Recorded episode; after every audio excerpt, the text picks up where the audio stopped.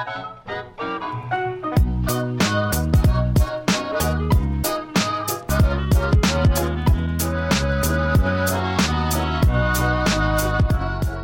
så, varmt välkomna till Historiepodden och del 3 av Slaget vid Kursk. Säsongens sista ordinarie avsnitt. Så är det. Och eh, nu blir det, nu blir det stridsvagnsstök. Mm. Vi har ju inte bestämt vad det här avsnittet ska heta, eller det är lite olika förslag. Eh, Daniel kommer att ha löst det fram tills det att det har publicerats såklart. Men det är Storm, Inferno. Det är liksom den typen av bildspråk och metaforik man far efter. Ja, verkligen. Men det är ju också sista avsnittet som sagt för säsongen före en eh, tämligen efterlängtad semester. Mhm.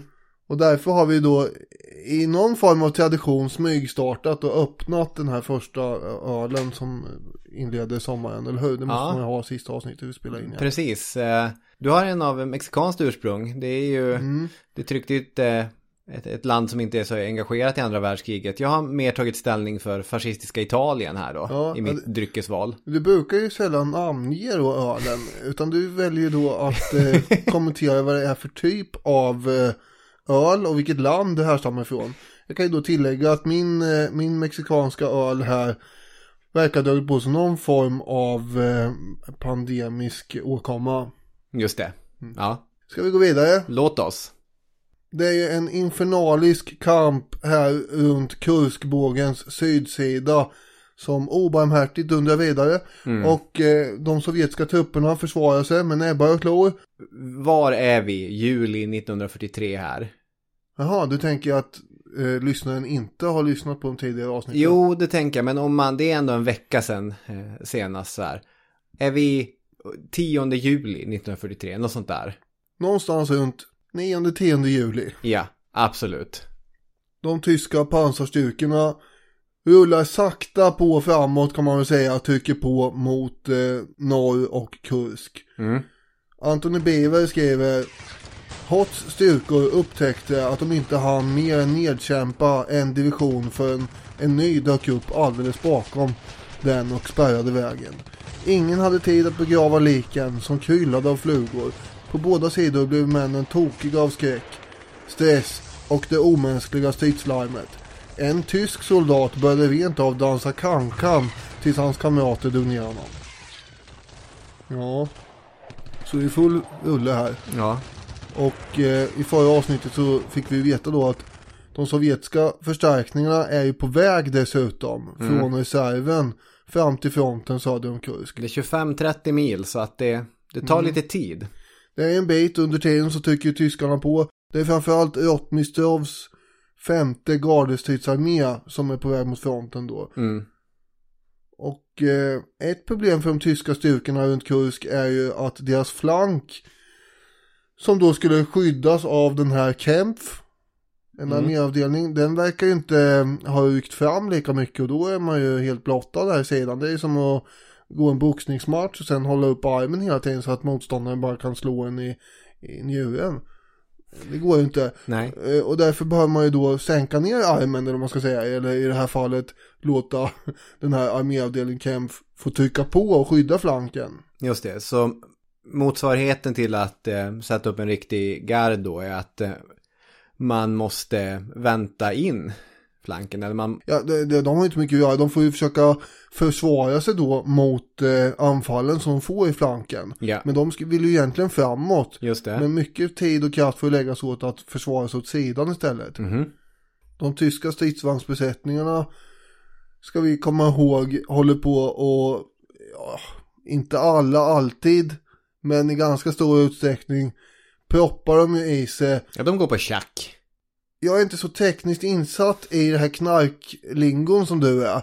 Men det är ju metamfetamintabletter. Ja.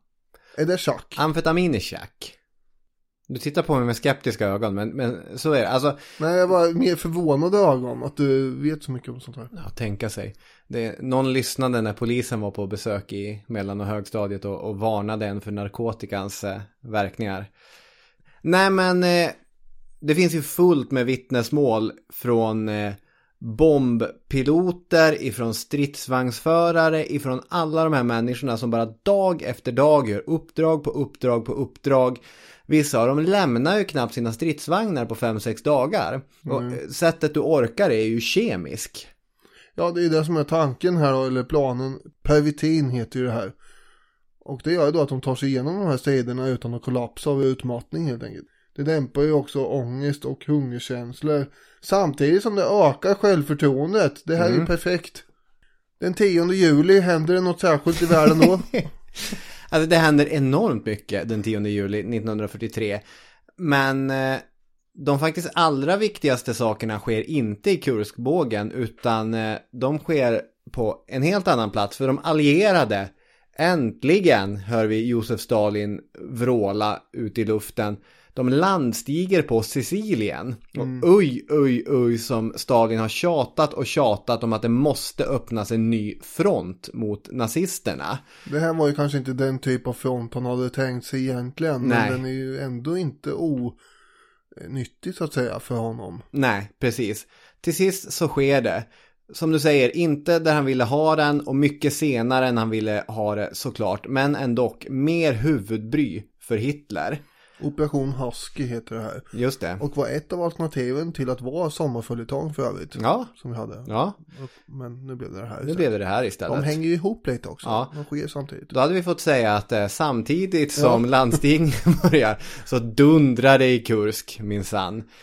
Samtidigt som eh, den här landstingen sker så är ju pressen på den här byn som är ett av målen på den här södra fronten, Obojan, stenhård. Anthony Beaver, han skriver, den 10 juli fortsatte den sovjetiska första stridsvagnsarmén och resten av sjätte gardesarmén att till ett ohyggligt pris fördröja anfallet i riktning mot Obojan. Därigenom höll man 48 pansarkåren under general Otto von Knobelsdorf alltför upptagen för att kunna bistå framryckningen mot, och det här är ju det namnet vi kommer säga om och om igen i det här avsnittet, Prokorovka. Mm. Apropå eh, den allierade landstidningen i Sicilien så var ju det en av anledningarna till att Manstein ville ha igång Operation Citadel långt före juli. Ja. Så att man skulle ha hunnit avsluta den här operationen innan de allierade försökte öppna en ny front. Just det, och det var anledningen till att Guderian tänkte vi kanske inte alls ja. ska anfalla. Precis. Ifall vi får en, en ny front. Men då tänkte Hitler på ett annat sätt. I'm Sandra, and I'm just the professional your small business was looking for. But you didn't hire me because you didn't use LinkedIn jobs. LinkedIn has professionals you can't find anywhere else, including those who aren't actively looking for a new job but might be open to the perfect role, like me.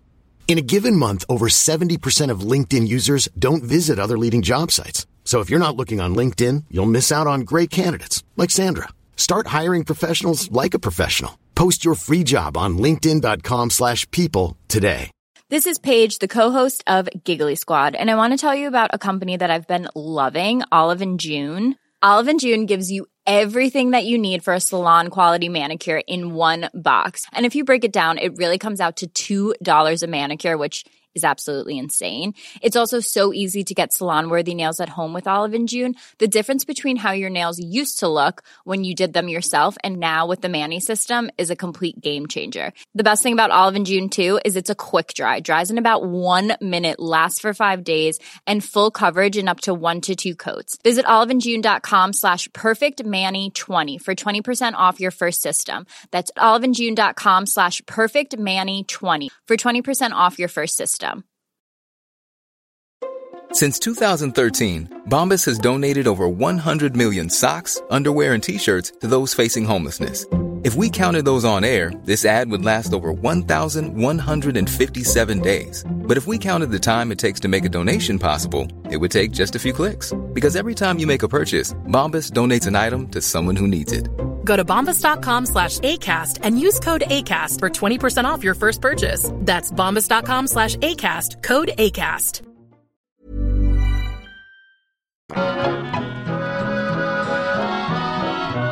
På den södra fronten om Kursk så rycker man som sagt fram mot Obojan, en stad som ligger på vägen dit som du säger. Mm.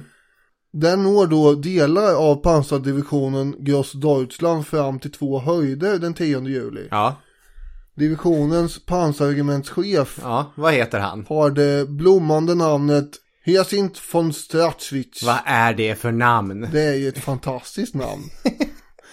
Han kallas också för pansargreven Ja, eftersom han var en greve. ja. Och han hade då upplevt en del minnesvärda saker i sitt krigarliv får man ja. säga. Vad är det för grejer? Ja, eh, först och främst så var ju han då framme vid eh, Volga med sina trupper först av alla.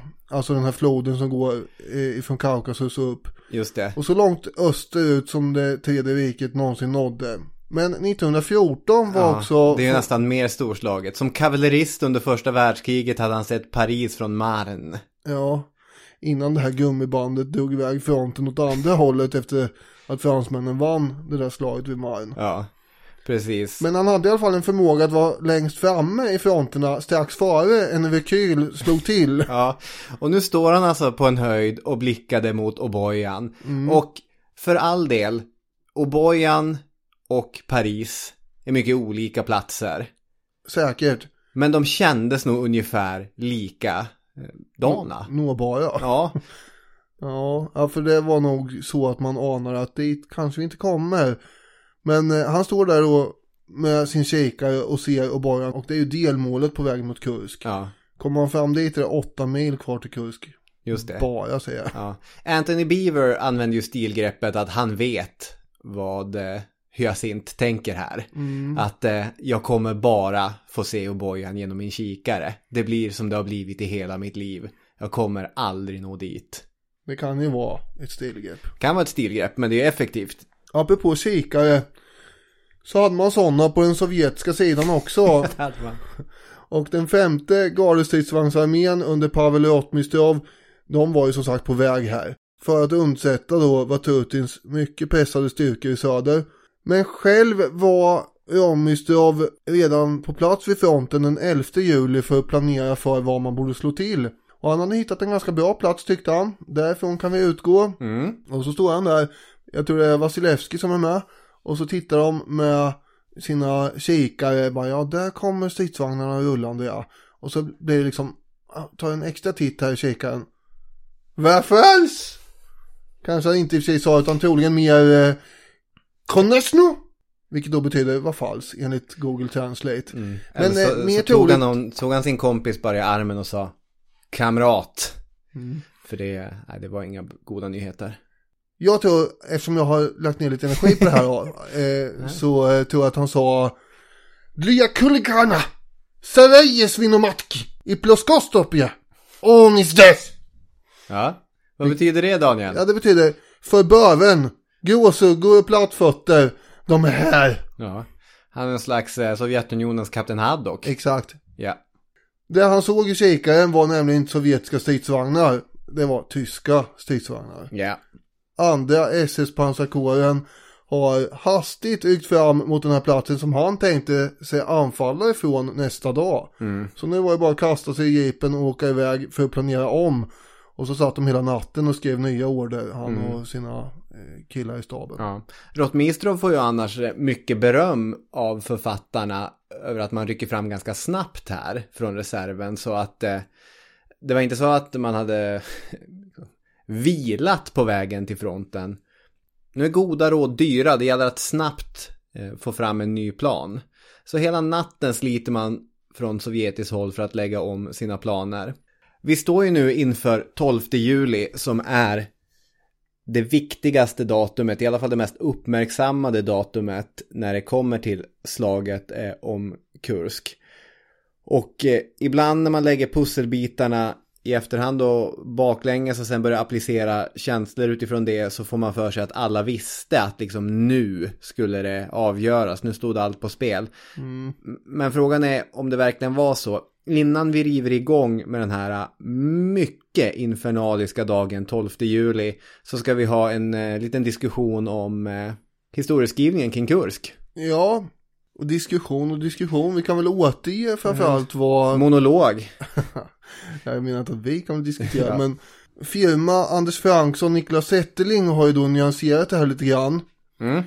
det är de svenska historikerna som har påverkat den internationella synen av slaget om Kursk en aning. Kanske inte genom den bok som heter Slaget om Kursk utan mer den som de har skrivit på engelska två år före nämnda bok. Den heter då Kursk 1943 antar jag, A Statistical Analysis.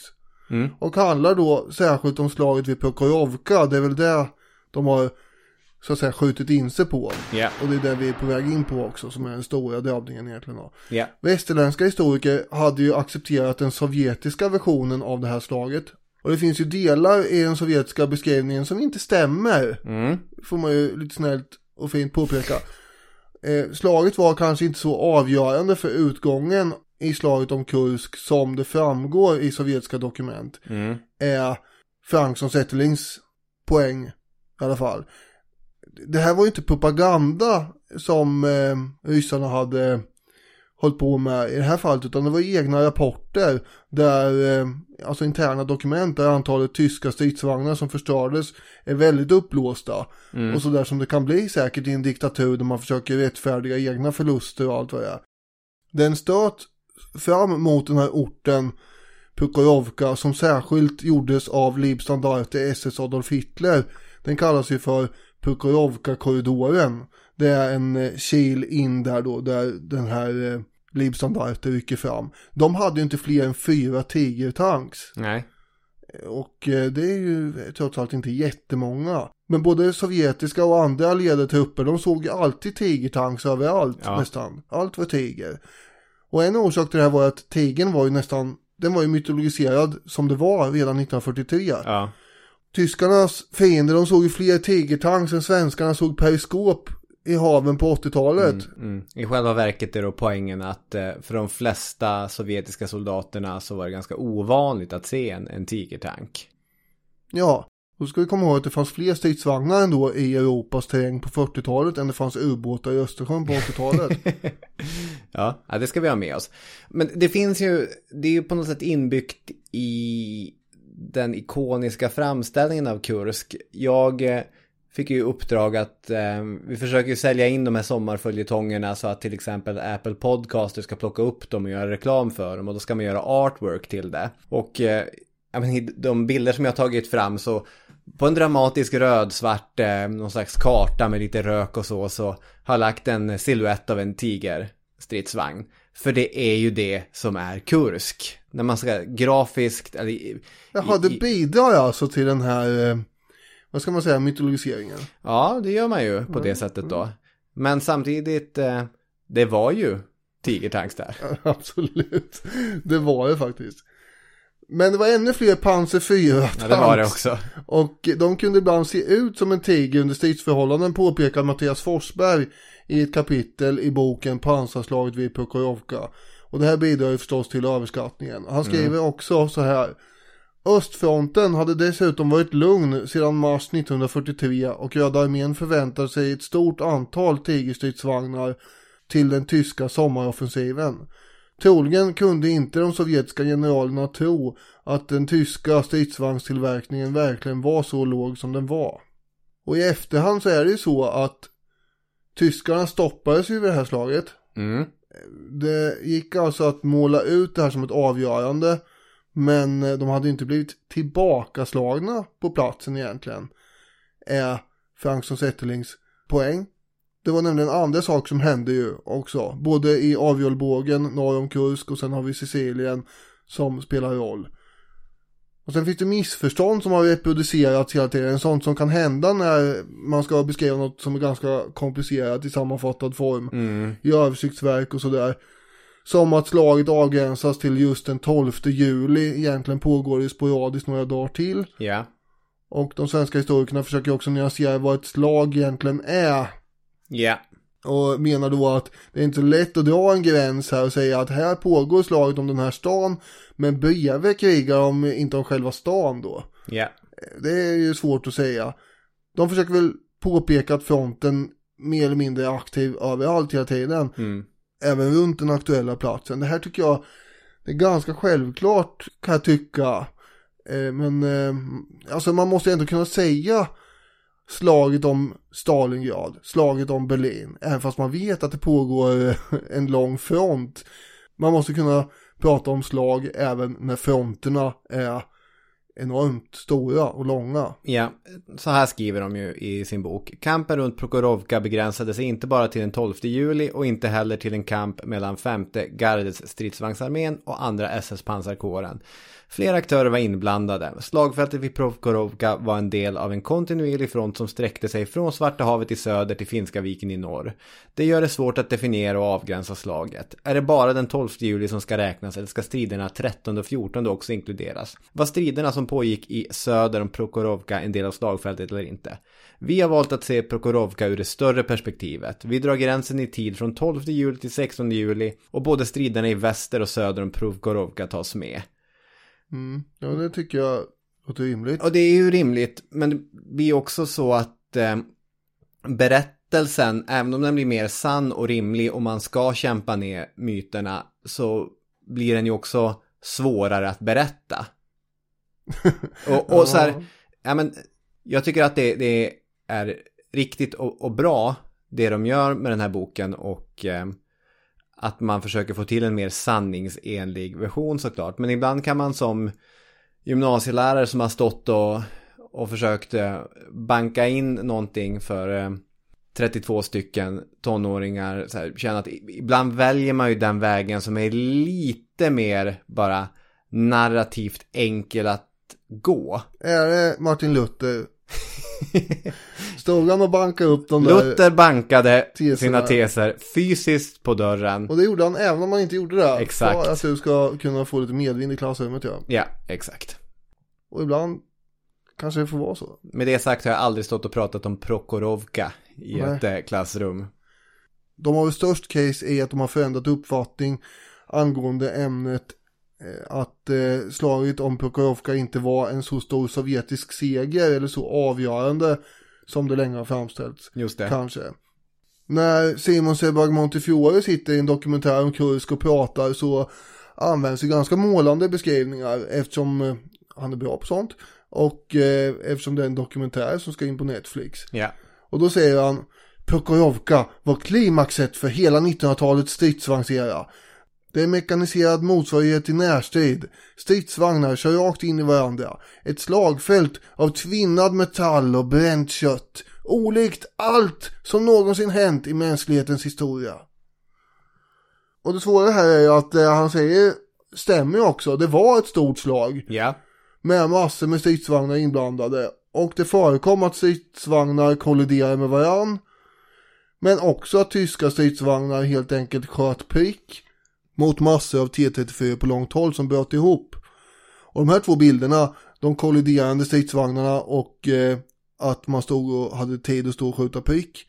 Det är två olika versioner. Ja. Men framförallt kan man säga att slaget vid Kursk är ändå klimaxet för 1900-talets stridsvagnsera. Inte bara slaget vid Prokhorovka tänker jag. Nej. Helheten. Så, helheten här. Hade han sagt det hade jag varit ännu mer med på det hela. Ja.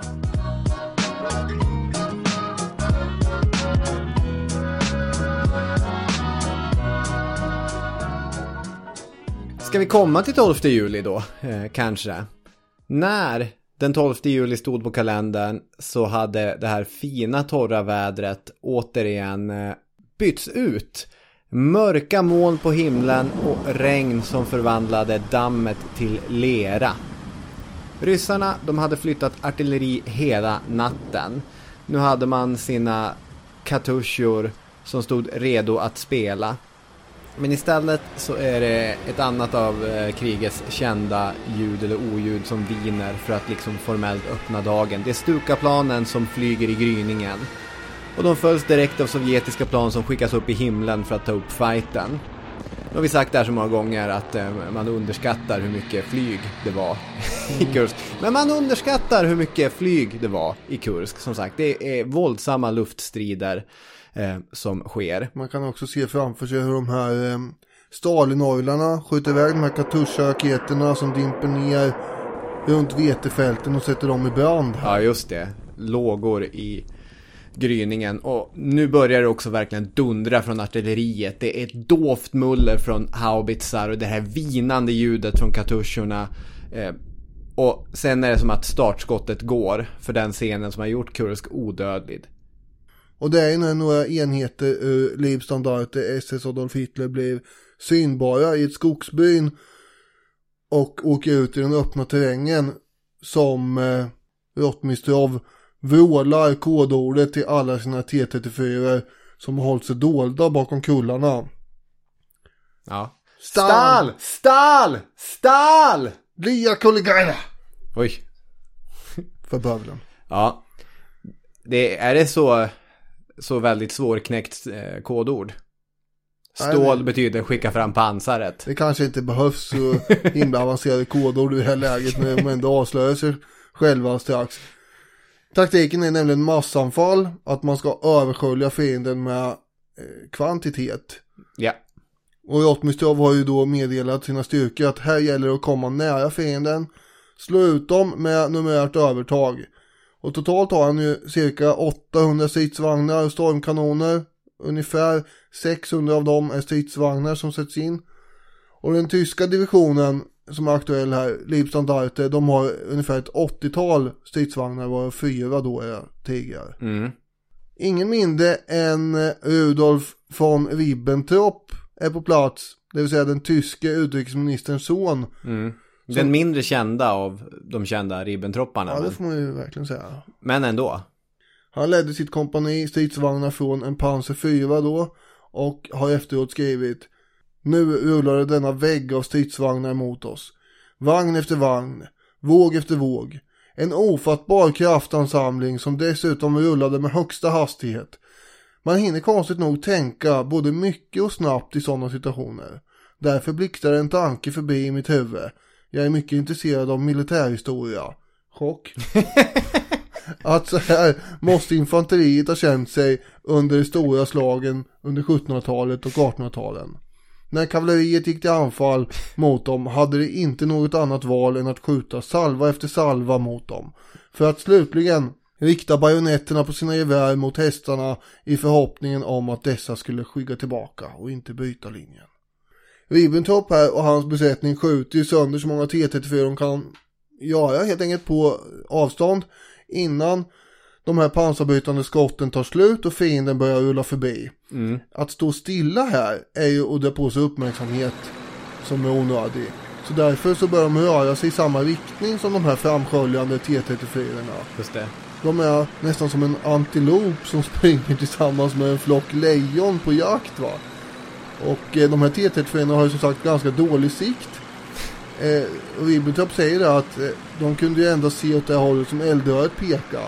Och hade det inte varit så så hade de varit körda. Själv försöker jag ändå desperat driva in den här hakorslaggan på baksidan av vagnen för att de inte ska avslöja sig.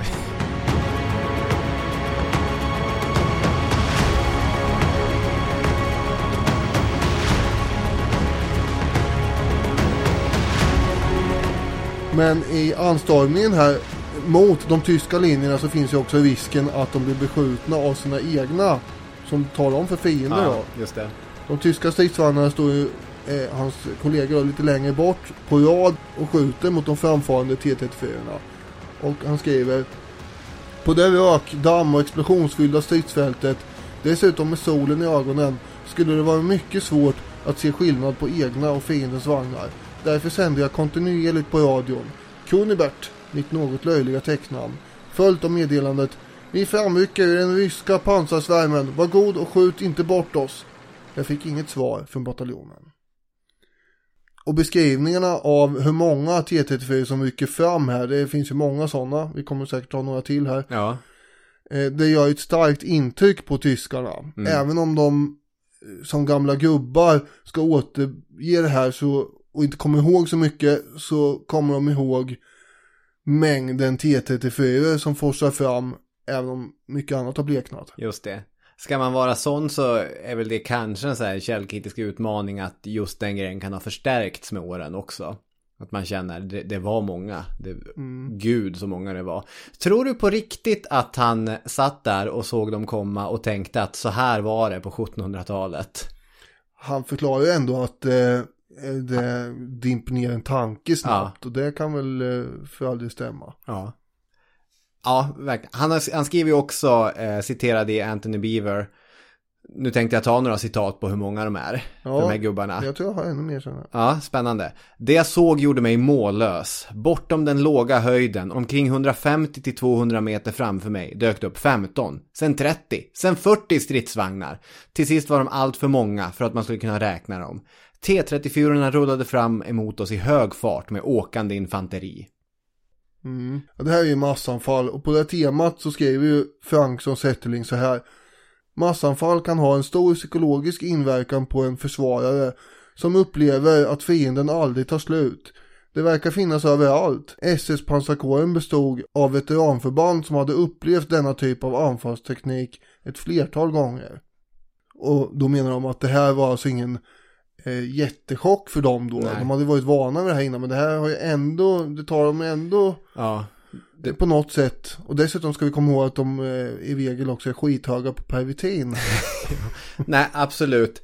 Och eh, Zetterling och Frankson har ju också ett citat från eh, Albert Frey, chef för första SS pansar grenadjärregementet som eh, också blir, hans förband blir också attackerade. Plötsligt ryckte ett stort antal fientliga stridsvagnar fram över höjdryggen, följda av avsuttet infanteri. Utan att sänka farten fortsatte vidundren av stål ut i det öppna, rakt in bland våra skyttesoldater och deras tunga vapen. Kort bakom dem följde det ryska infanteriet till fots ner för höjden. Vad som sen följde är svårt för mig att beskriva i ord. Stridsvagnarna öppnade eld med allt de hade. Med sina band försökte de köra över oss. Det avsuttna infanteriet gick över till närstrid. Med en okuvlig överlevnadsvilja höll regementet stånd mot denna våg av förintelse. I närstriden, i dess fulla bemärkelse, öppnade alla tunga vapen eld mot de attackerande stridsvagnarna. Um, ja, han säger ju uttryckligen att han har svårt att beskriva de här minnena. Det, det är ju någonting extraordinärt för mm. dem. Det sista han säger där Faye, är ändå eh, pikant ordval. Att de höll stånd mot denna våg av förintelse för mm. att komma från en SS-officer. Just det. Det var innan det ordet hade liksom eh, ja. satt sig. Det kan man säga. Den här drabbningen har ibland beskrivits som en strid mellan riddare i rustning på medeltiden som rammar in i varandra och sådär. Ja.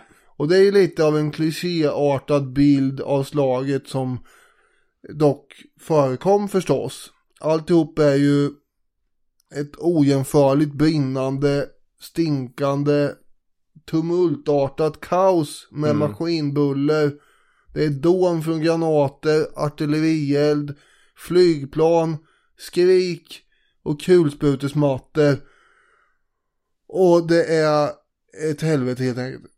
Ja, men jag tänkte verkligen eh, på det för eh, när vi researchade det här så jag tyckte man stötte på två stycken ytterpositioner som författarna intog. Dels har vi den här positionen, riddarpositionen. Jag började direkt tänka på hur Frans G. Bengtsson skrev om kavallerisammanstötningen vid Brandy Station under amerikanska inbördeskriget. Helt plötsligt ser han den sista strimma av krig som han vill att krig ska vara. Mm. Män till häst som under 14 timmar rider mot varandra. Och då säger Bengtsson... Med fladdrande fanor och grejer och trumpeter. Exakt, precis så. Um, Anthony Beaver, han plockar ju upp någonting av det där när han säger att slaget påminner om en drabbning mellan medeltida riddare i rustning. Och han säger att förvisso så surrar planen ovanför dem, men eh, de vågar inte bomba för att alla styrkor är, är så sammanflätande här. Och eh, ja, han är lite mer urskuldande än vad Bengtsson hade varit, Anthony Beaver. Och lite tristare också. Man får väl ändå komma ihåg att Bengtsson förmodligen skriver pri andra världskriget. Men det är trots allt i samma underton det här. Han ser stridsvagnar dundra mot varandra. Och kisar man nog mycket så är det lite grann som riddare. Ja, men samtidigt så hände det ju. Det hände. Oh ja. Och den andra positionen är ju, jag tror inte att ordet riddare finns med i Frankson och Zetterlings bok. Nej, nej, det tror inte jag heller. Utan det, det är en mer nykter eh, mm. och eh, saklig syn på det.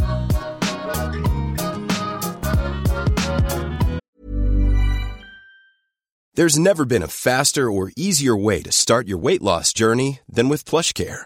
PlushCare accepts most insurance plans and gives you online access to board-certified physicians who can prescribe FDA-approved weight loss medications like Wigovi and Zepbound for those who qualify. Take charge of your health and speak with a board-certified physician about a weight loss plan that's right for you. Get started today at plushcare.com slash weight loss. That's plushcare.com slash weight loss. plushcare.com slash weight loss. Even when we're on a budget, we still deserve nice things. Quince is a place to scoop up stunning high-end goods for 50 to 80% less than similar brands. They have buttery soft cashmere sweaters starting at $50, luxurious Italian leather bags, and so much more. Plus, Quince only works with factories that use safe, ethical, and responsible manufacturing. Get the high-end goods you'll love without the high price tag with Quince. Go to quince.com slash style for free shipping and 365-day returns. I'm Sandra, and I'm just the professional your small business was looking for. But you didn't hire me because you didn't use LinkedIn jobs. LinkedIn has professionals you can't find anywhere else, including those who aren't actively looking for a new job but might be open to the perfect role, like me. In a given month, over 70% of LinkedIn users don't visit other leading job sites. So if you're not looking on LinkedIn, you'll miss out on great candidates like Sandra. Start hiring professionals like a professional. Post your free job on linkedin.com slash people today.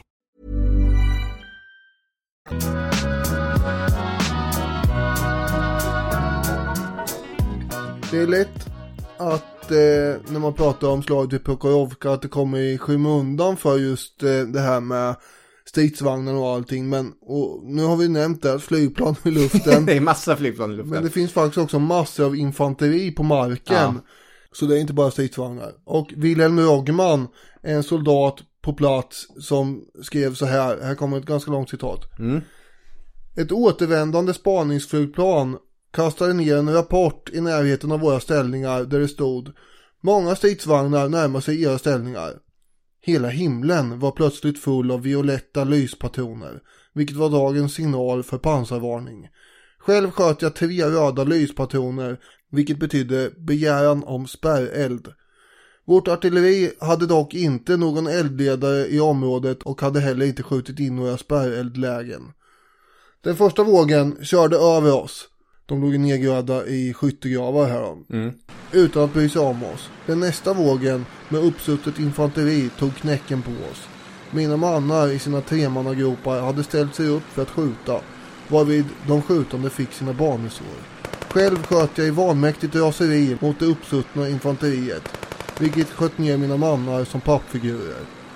Det gjorde sig inte ens besväret att göra avsittning och inleda närstrid med oss. Så Rogmans sex underlydande soldater har alltså blivit ihjälskjutna här på plats och till slut blir han själv upptäckt av en T34. Genast rullade vagnen till mitt värn och körde centrumsväng på det. Det är alltså en sån här, du vet, om du sitter i en eka och så eh, drar du åt ena hållet så snurrar du runt. Ja. Så här runt sin egen axel. Så kan ju en stridsvagn göra med Just det. centrumsväng. Nu flög det handgranater ur pansarluckorna, vilket jag redan hade förutsett och öppnade munnen så långt som möjligt för att utjämna det väntade explosionstrycket. Efteråt spelade jag död. Handgranaterna kunde inte skada mig nämnvärt under det nedrasade jordlagret. Just denna dag hade jag stålhjälmen på mig, vilket jag för övrigt avskydde och brukade strunta i att bära. Endast hörseln var tillfälligt ur funktion. Det enda jag trodde mig upptäcka var vibrationerna från stridsvagnarna. Men sedan upphörde även de. Stridsvagnarna hade fortsatt i riktning mot pansarhindergraven. Och i slutändan så kom ju då Rogman i kontakt med andra tyskar och eh, då hittade de till slut en eh, övergiven T34 som de lyckades laga där på plats och efter mycket om och men så tog de sig till sin sida om fronten igen som precis hade passerat dem då. Mm. För det är ju så att mitt i den här oredan så har tyskar också T34 som de tidigare har erövrat. Och tyskarnas T34 kunde ju då Ja, jag tänkte säga att det är ju en intressant, eller konstig grej att det är fler tyska T34 på slagfältet än Tigertanks. Ja, ja det är konstigt. De hade ju lätt att slå ut de sovjetiska T34 i flanken då. När de rullar förbi i tron att det här står det vänner. Ja. De siktar ju alltid då förstås på en ledande T34 som hade en, sin vajande radiomast. där. Bara de som hade radio ja. Ja, då kunde man ta ut dem. Och det gjorde ju då att de andra hade väldigt svårt att koordinera några motanfall. Ja, då blev de blinda och döva så att säga. Ja, så alla tyska T34 klarade sig faktiskt i det här slaget. Ja. Jag förstår. Men det är förstås väldigt svårt för ryssarna att veta vilka T34 som kontrolleras av tyskarna innan det väl smäller. Det här får mig osökt att tänka på en bok som jag måste citera. Ja. Redan före genombrottet hade den romerska centern ja, förvandlats till ett ohanterligt gytter där alla enheter blandades samman. Ingen visste vems order man skulle lyssna till. Än mer förvirrande var att libyerna utrustats med romerska rustningar som de tagit efter segern vid Trasimenosjön. Vem som helst kunde därmed vara en fiende. Ja. Vad är det här för bok nu igen Robin? Nej, du har inga gissningar. Det är, det är min bok. De kom, de såg, de segrade. Ja. Det är inte bara tyskar som har eh, haft eh, motståndarsidans eh, materiell i krig. Nej. Och vill man ha den här boken kan man ju alltid gå in på historiepodden.com slash adlibis. Just det. Får man ett bra pris. Ja. Den 12 juli, långsamt under dagen så ebbar ursinnet ut. På slagfältet börjar det till sist allt mer handla om att lägga sig i bakhåll eller genomföra korta jabb-liknande offensiver och motoffensiver. I John Ericssons eh, kapitel i boken Decisive Battles of the 20th Century så skriver han att östfronten hade sett ett antal vedervärdiga slag. Trots detta insisterade de tyska trupperna att ingenting gick upp mot Blytmühle från Belgorod, Belgorods blodbad. SS-trupperna hade hoppat på en valkyrieritt till död och förintelse. Stridsvagnarnas besättningar låg i eller utanför sina kistor av stål. De spridda kvarlevorna av ben, stekpannor, hylsor, inälvor och spelkort förnimde att de en gång varit människor. Jag har ju ibland svårt att förstå eh, slagfält genom att bara så här krasst konstatera vad som eh, skedde, vilka trupper som rörde sig var, eh, hur sammandrabbningen såg ut och istället så letar jag hela tiden efter metaforik och bildspråk eh, och så. Och det jag tänker säga nu det är ju mytologiserande och det är inte helt och hållet den sanna bilden. Men det känns ju som att på Kursks södra front under nästan en veckas tid så hade ett högtryck byggts upp. Och liksom till sist var luften varm, stilla och klibbig. Det var svårt att andas. Men här den 12 juli så sker ju skiftet till lågtryck. Att först svartnar himlen mitt på ljusa dagen, sen börjar det dundra, åska, blixtra och slå. Våldsamma åskregn piskar ner över marken och himlen bjuder på hela sin mest dramatiska arsenal. Det kan vara värt att poängtera att det inte är dag, då kan det vara värt att poängtera att jag pratar nu i, i, överförd mening. Det var förvisso regn på dagen men eh, inte lika våldsamma regn som jag beskriver här utan det, det är mer känslan. Ett riktigt sjujäkla åskoväder mm. eh, får man ju känslan av eh, har eh, dragit fram här. Och sådana här våldsamma krafter om man ska fortsätta med så här eh, myten på något sätt. Det måste ju förändra saker och ting. Luften blir friskare när åskan går för att tala med Kjell Höglunds tunga. Och den känslan får man nästan här att det är annorlunda i Kursk efter 12 juli. Samtidigt som till exempel Frankson och Zetterling poängterar så fortsätter ju de här stridigheterna i och kring Prokhorovka i flera dagar. Och man fortsätter och man fortsätter och man fortsätter. Mm. Eh, 13 till 15 juli sker tyska framstötar kring Prokhorovka. Och nya sovjetiska stridsvagnar kastas in igen för att hjälpa sovjetisk infanteri på någon punkt nordväst om Prokhorovka där SS-soldater försöker ta sig runt ryssarnas poster och så. Så det, det är ju Eh, det är inte bara 12 juli. men, men det är också 12 juli. Ja, det kanske till och med framför allt. Ja, kanske. Och under tiden som slaget kulminerade vid Prokhorovka den 12 juli. Just det. Säger jag ändå och sticker ut hakan. utan att sticka ut hakan. Så sitter Hitler borta i Rastenburg i nordöstra Polen. Mm. Och oroar sig över en helt annan front. Eh, nämligen den här nyfödda fronten på Sicilien. Mm. Och Manstein, han kallas till ett möte den 13 juli. Dagen efter de här mest dramatiska stridsvagnsstriderna alltså. Mm. Väl framme här så visar det sig att det här mötet är uppskjutet till kvällen. Varpå Manstein blir sur. Eftersom han tänkte att man kunde väl ha stannat kvar ja. vid fronten och gjort någon nytta av det kanske. Det är ändå historiens största pansarslag som briserar där ja, nu. Jag har saker att samordna. Ja. Ja, ja, istället fick han ju då gå och bada i en sjö i väntan på att få träffa Hitler. Och då ska han för övrigt där iförd mundering badhandduk eh, ha träffat Erwin Rommel för första gången Jaha, i sitt liv. just det. Och eh, Rommel var ju där då för att diskutera situationen i Italien med Hitler. Ja. Sen när det väl blir Mansteins tur så får han ju argumentera för att få fortsätta striden överhuvudtaget. Ja, Hitlers förslag är att man ska flytta bepansrade divisioner från Kursk för att stärka upp positioner på Balkan och i Italien. I och med den här landstigningen så har man en, en, en front i söder som är hotad. Mm. Men som jag har förstått det, Manstein har ju här underskattat hur mycket som finns i den sovjetiska reserven. Och han sitter ju och säger att jag är nästan igenom. Ryssarna har nästan kokat torrt. Om vi fortsätter några dagar till så kommer vi bryta igenom. Och de kommer inte ha mer manskap att skicka fram. Så kan det ju ha varit. Det, han har ju inte fullständig kunskap om hur mycket reserver de har inte.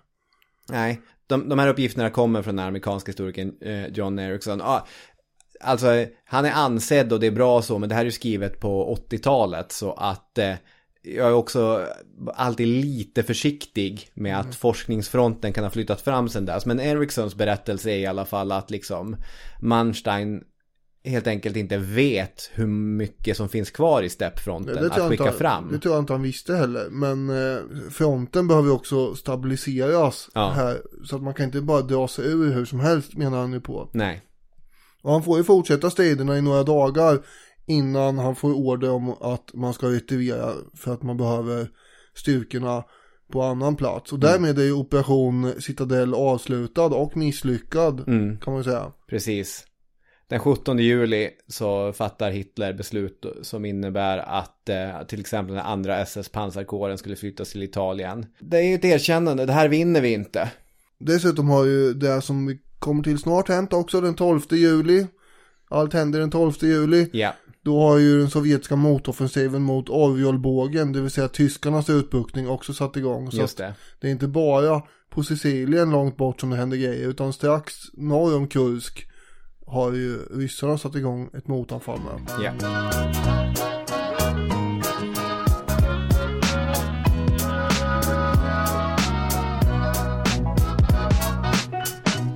Men innan vi går till den motoffensiven så tänkte jag prata lite statistik. Underbart.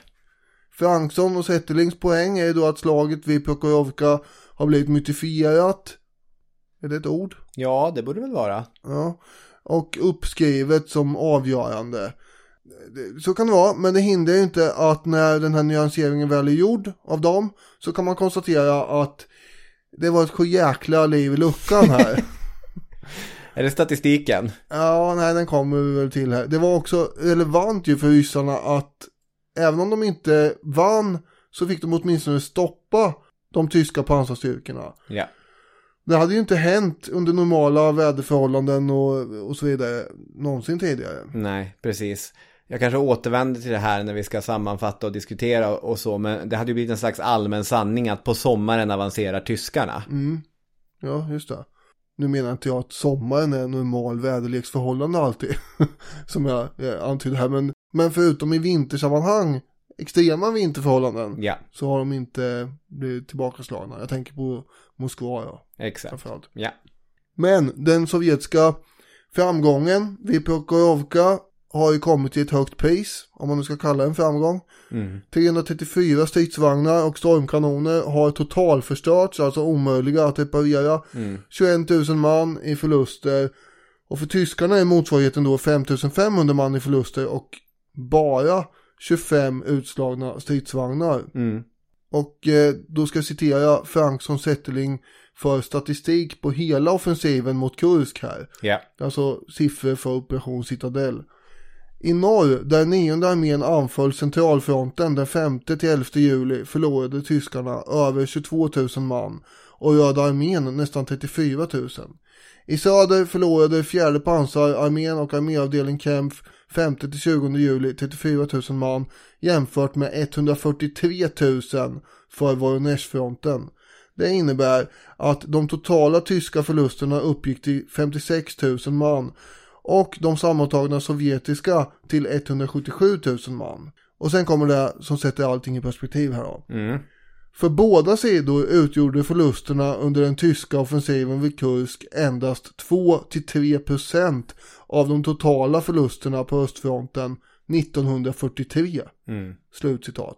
Och då är det alltså bara 2-3% för just året 1943 det här. Ja. Det, är, det säger en del. Ja.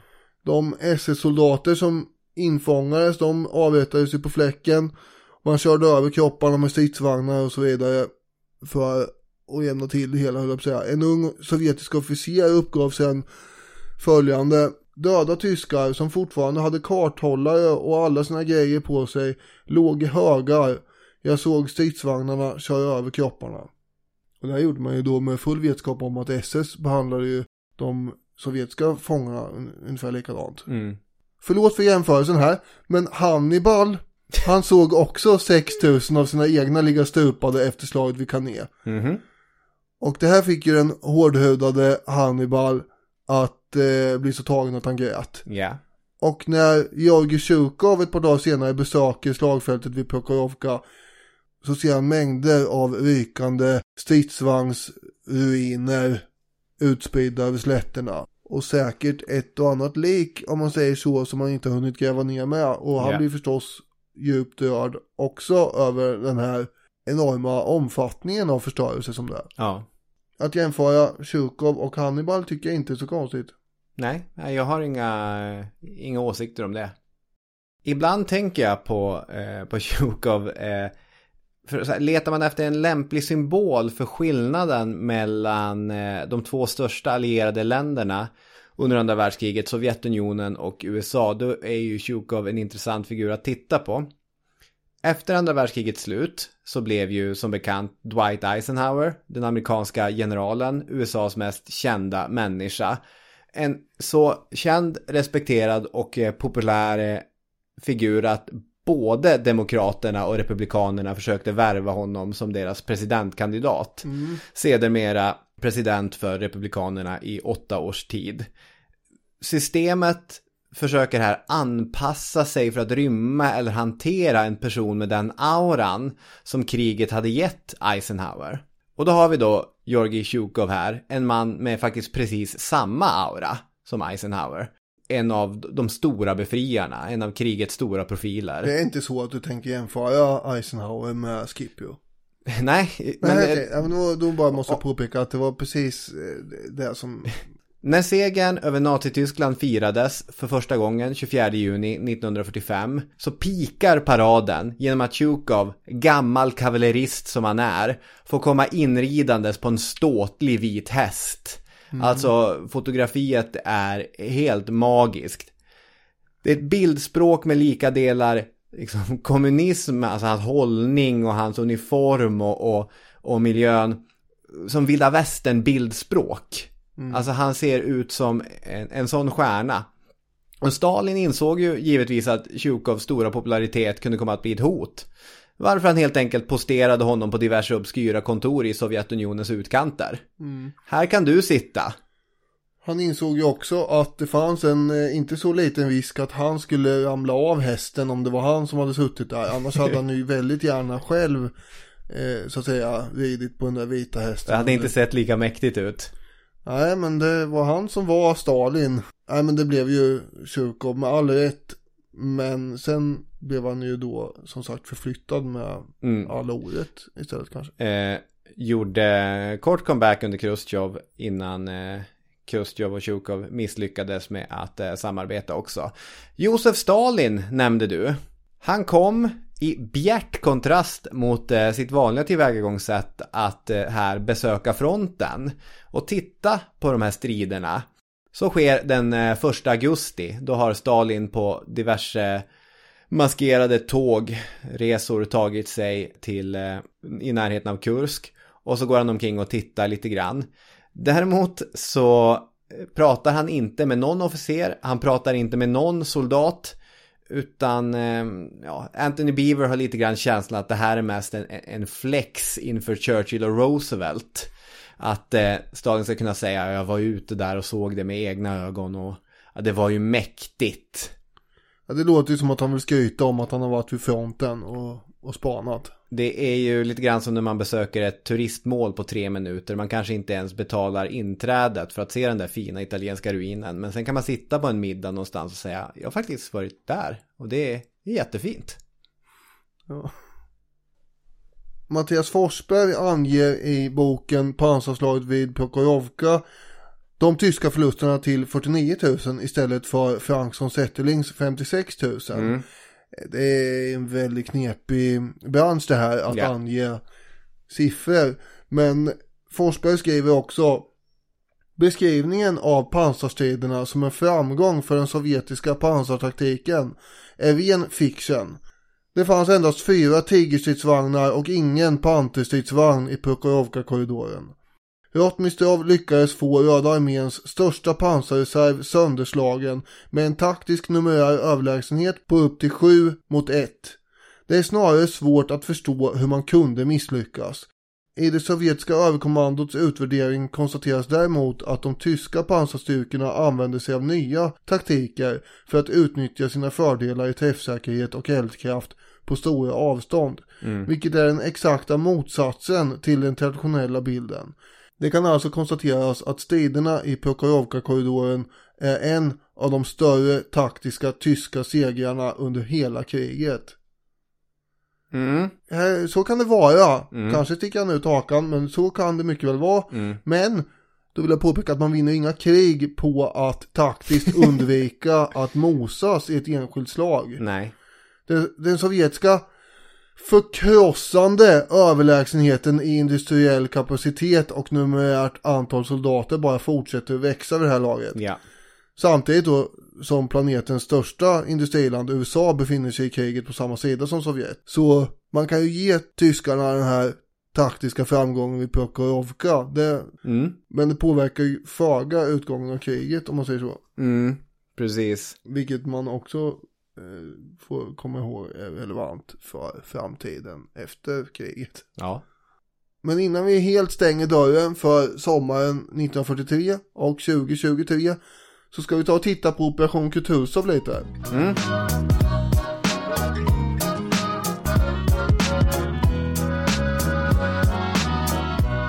Samma dag, den 12 juli, som Rotmistrovs femte stridsvagnsarmé kastade in sig själva i den här striden vid Prokhorovka så avfyrades också den stora sovjetiska offensiven mot den här Orjolbågen norrut. Mm. Och, och, då har vi alltså då fem sovjetiska arméer med 1400 stridsvagnar som angriper de tyska ställningarna norr om staden Orjol.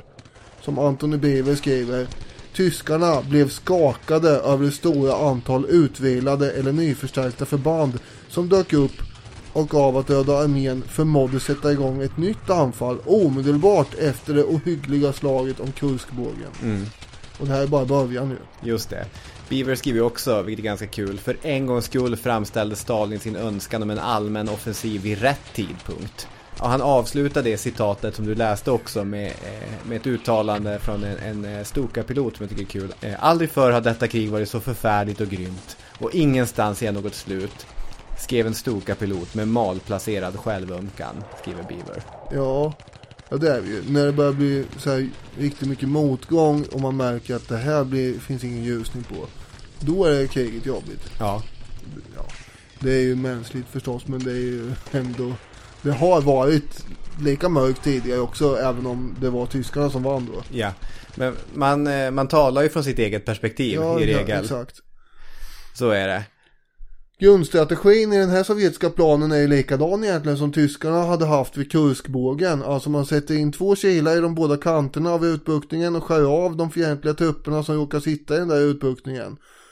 Och de första dagarna så är anfallet i och för sig bara aktivt i norr av Orjolbågen det är särskilt den elfte gardesarmén under en general Bagramjan som eh, angriper där. Ökosovskis trupper som då har eh, krigat med den nionde tyska armén de är ju ganska stukade här efter slaget vid Kurskbågen så de behövde några dagar på sig att slicka såren kan man säga. Mm. Ladda, fylla på trupper och bensin och allt möjligt. Men den 15 juli så är ju de på tå också och eh, drar igång anfallet söderifrån mot den här Orjolbågen. Och det angreppet kommer då Rokossovski genomföra med fyra arméer. Så det börjar bli lite, det är mörka mål nu på himlen här för tyskarna kan Jo, man säga. tack. Walter Model och hans nionde armé kommer under massivt tryck. Och vi är uppe i nio sovjetiska arméer bara för att stänga igen Orjolbågen. Mm. Ändå blir det här inte någon eh, promenadseger eh, direkt utan antalet sovjetiska förluster är dramatiskt mycket högre än i slaget om Kursk. Mm. Och tyskarna de skjuter sönder sovjetiska stridsvagnar nästan som om de ägnar sig åt ledöverskytte kan man tänka sig. Det är en fortsatt trend. Ja, oj, där flög en duva förbi. Pang! Och det, hoppsan, där kommer en till. Pang! Nästan 2500 stridsvagnar totalförstörs. Men eh, Sovjet kan ju producera nya snabbt. De tyska arméerna undviker att bli avskurna och instängda här i alla fall. Men staden Avjol befrias den 5 augusti. Samma kväll skjuter man salut på Röda torget i Moskva. Mm. Eftersom eh, det är inte bara Avjol som har befriats den 5 augusti utan även Belgorod söder om Kursk har fallit den 5. För den 3 augusti så har väl Sovjetunionen också skickat fram steppfronten. Eh, ja, då har ju då en ny offensiv börjat i söder också mot Belgorod och Charkov. Det är därför som Belgorod faller då. Ja. Exakt, och i riktning mot Belgorod och, och Charkov så rörde sig nu nästan en miljon sovjetiska soldater, 12 000 artilleripjäser och 2 500 stridsvagnar och, och bandkanoner. Så som du sa, Belgorod föll två dagar senare. När så den sovjetiska offensiven rörde sig mot eh, Charkov, då lanserades återigen ett tyskt motanfall. Och då liksom, är det här ett nytt backhandslag? Har vi en, en ära von Mansteins tidigare lyckade motdrag? Men det biter ju inte den här gången, utan Röda armén har ju lite grann lärt sig läxan. De försvarar sig mer effektivt än vad de har gjort tidigare. Efter ganska intensiva strider så är det 28 augusti 1943 som eh, Charkov faller och liksom hamnar i, i Röda arméns händer igen. Eh, där satt arméavdelning Kempf som alltså hade eh, spelat en, en viktig roll i Kursk men nu var, var de försvarare. Men man lyckades inte hålla sina ställningar. Enligt eh, Beaver så hade Hitler siktat in sig på att hålla Charkov så länge som möjligt för att inför sina få allierade, rumäner och ungrare, visa på styrka. Det som hade varit eh, ett av argumenten för att sätta igång den här eh, offensiven, att visa inför eh, sina allierade, titta, Tyskland är fortfarande någon att hålla i handen. Han gjorde ju så här, rätt vad det var, ganska ofta. Att han fick för sig att det här är en, eh, en fästning som ska hållas till sista man och sista patron. Så var det ju med Stalingrad. Segra eller dö. Så var det med Charkov och som alla kommer ihåg från sommarföljetongen 2020 så var ju också Budapest en sån fästning. Just det.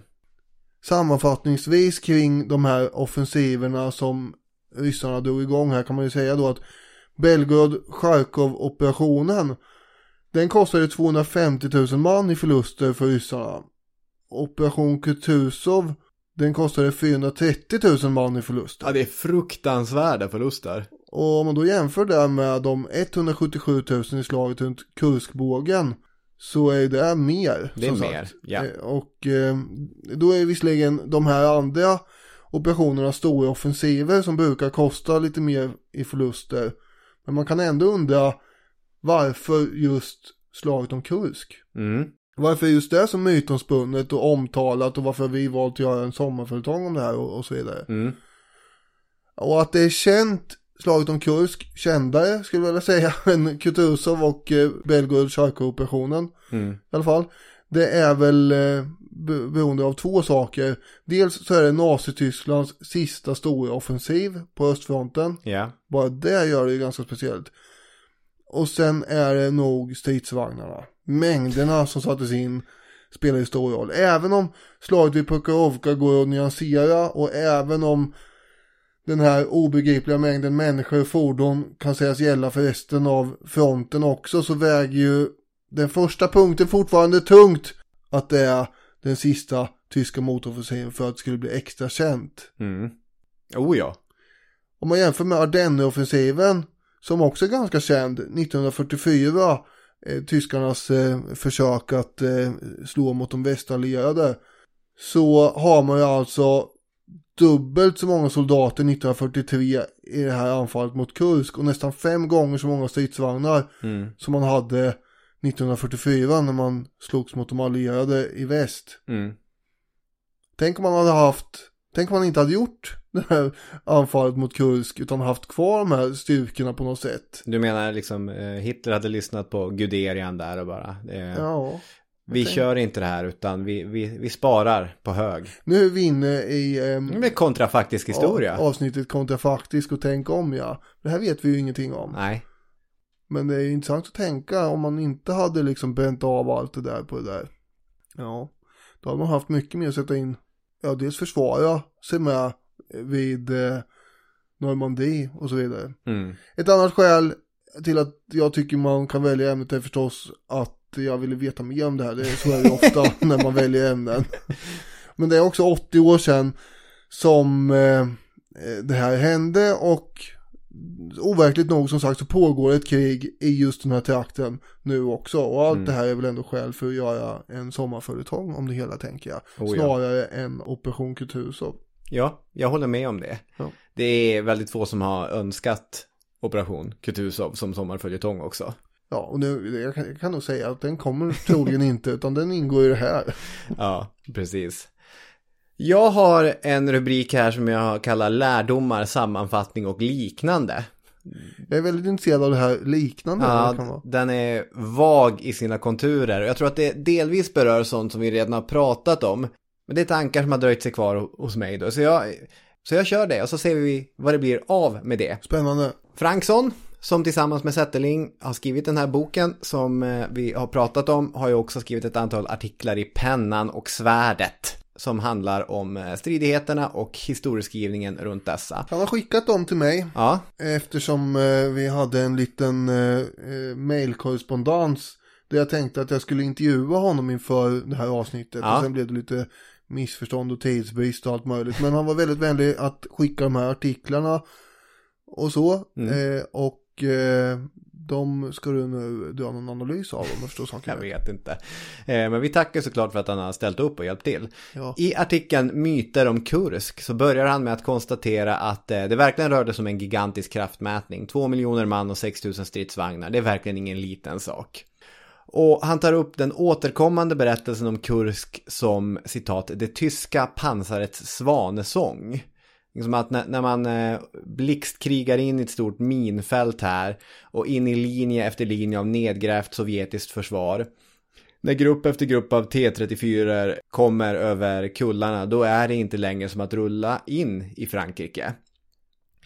Men, skriver Franksson, de tyska förlusterna, och det här har ju du sagt i princip, men jag repeterar, 300 totalförstörda stridsvagnar och stormkanoner under första halvan av juli. Det är inte några katastrofala förluster, allra helst inte om man ställer det mot de sovjetiska förlusterna. Och om vi räknar in Kursk och motoffensiven så är det 6000 sovjetiska stridsvagnar och stormkanoner som totalförstördes. Det är väldigt stora förluster. Och samma med soldaterna, för varje en tysk soldat som stupar så stupar fyra sovjetiska soldater. Det här är den mest förlustrika perioden för Röda armén under hela andra världskriget. Det är ändå ett påstående som säger någonting. Och då räknar vi såklart in, kanske framförallt räknar vi in eh, Kutuzov motoffensiven och så här. Det är väldigt många soldater i Röda armén som stupar. Och jag tänker man kan använda John Ericssons text för att eh, visa på den eh, kanske äldre, mer typiska slutsatsen som brukar dras om Kursk. Ericsson skriver Före Kursk hade det alltid antagits att Wehrmacht avancerade under sommaren. Men den auran av överväldigande oövervinnelighet, overweening invincibility skriver han, försvann permanent i Kurskbågen. Den psykologiska effekten var djupgående. Paradoxalt nog saknade striderna den dramatik som hade funnits i Moskva 1941 och Stalingrad 1942.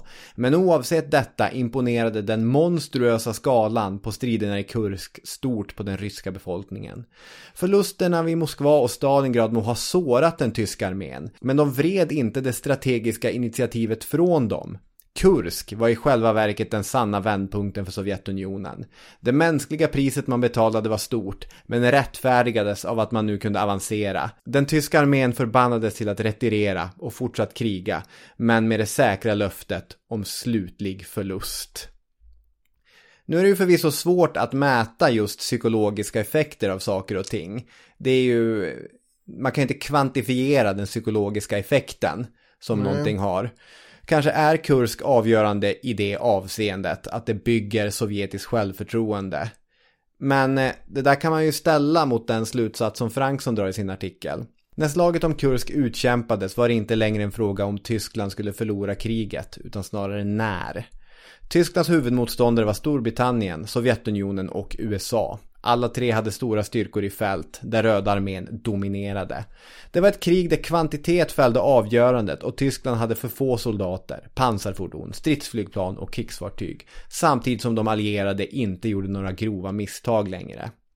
Stalin har fler soldater, producerar mer eh, vapen än vad Hitler gör. I dokumentären Andra världskriget i färg så tillskriver Montefiore Stalin uttrycket Andra världskriget kommer bli en maskinernas kamp. Och den som producerar mest vinner. Märkligt nog återfinns inte det här citatet någonstans i hans bok om Stalin. Eh, men eh, vi får väl ändå lita på den gode Montefiore när han sitter som talking head i en dokumentär. Det är han kan ju ändå inte hitta på Stalins citat när man är den stora Stalin-kännaren. Nej, det hoppas man ju inte att han gör. I Kursk hade Nazityskland för få nya stridsvagnar som med sina många fördelar till trots knappast kan sägas motivera den förseningen eh, som de hade inneburit. Och som dessutom knappt kunde repareras. De T-34 som de ställdes mot var, de var närmast pålitliga trotjänare.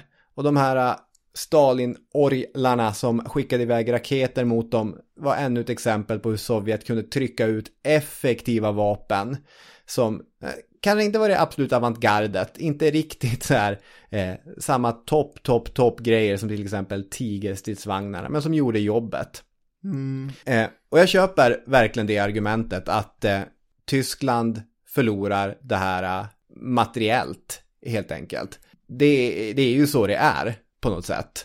Eh, ja, men har då den här komikern du nämnde i inledningen rätt verkligen? Var det nära? Var det nästan att de vann? Exakt, precis.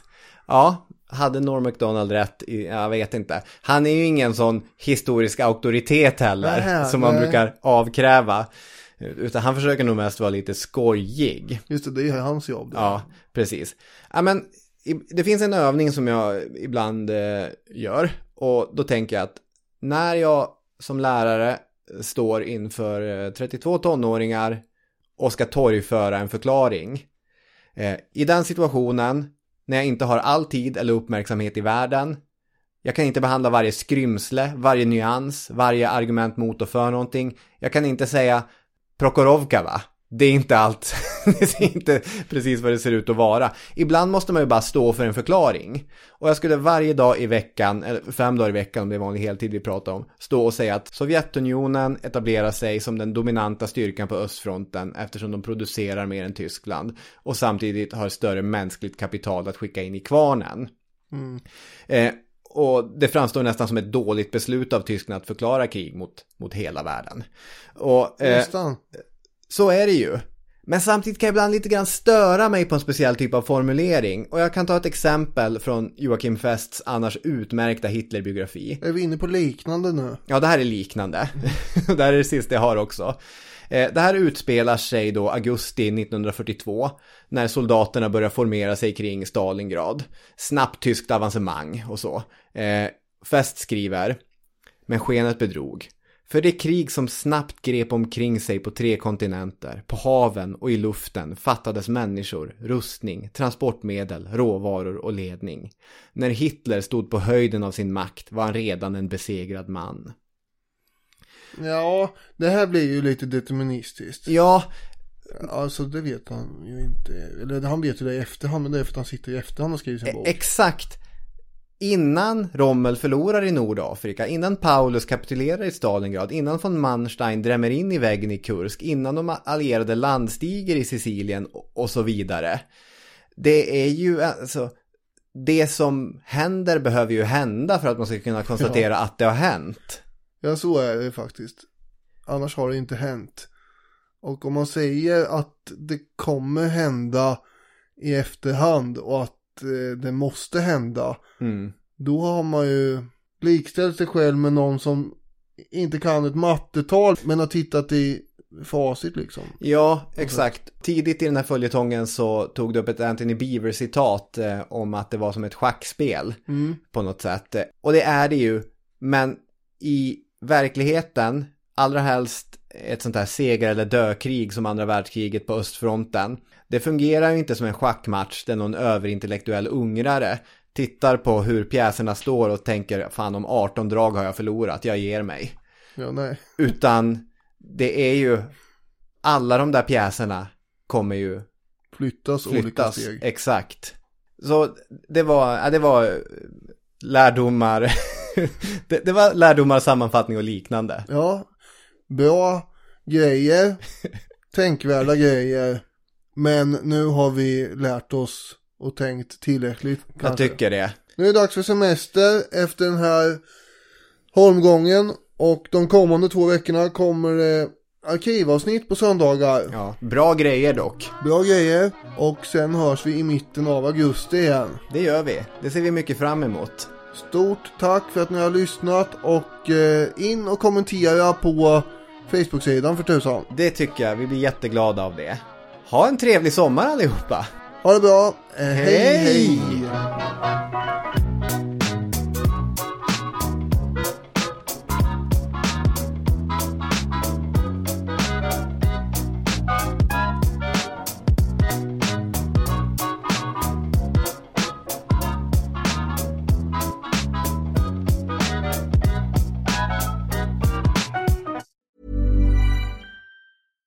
Even when we're on a budget, we still deserve nice things. Quince is a place to scoop up stunning high-end goods for 50 to 80% less than similar brands. They have buttery soft cashmere sweaters starting at $50, luxurious Italian leather bags, and so much more. Plus, Quince only works with factories that use safe, ethical, and responsible manufacturing. Get the high-end goods you'll love without the high price tag with Quince. Go to quince.com/style for free shipping and 365-day returns. Even when we're on a budget, we still deserve nice things. Quince is a place to scoop up stunning high-end goods for 50 to 80% less than similar brands. They have buttery soft cashmere sweaters starting at $50, luxurious Italian leather bags, and so much more. Plus, Quince only works with factories that use safe, ethical, and responsible manufacturing. Get the high-end goods you'll love without the high price tag with Quince. Go to quince.com/style for free shipping and 365-day returns. When you need mealtime inspiration, it's worth shopping Kroger, where you'll find over 30,000 mouthwatering choices that excite your inner foodie. And no matter what tasty choice you make, you'll enjoy our everyday low prices, plus extra ways to save, like digital coupons worth over $600 each week. You can also save up to $1 off per gallon at the pump with fuel points. More savings and more inspiring flavors make shopping Kroger worth it every time. Kroger, fresh for everyone. Fuel restrictions apply.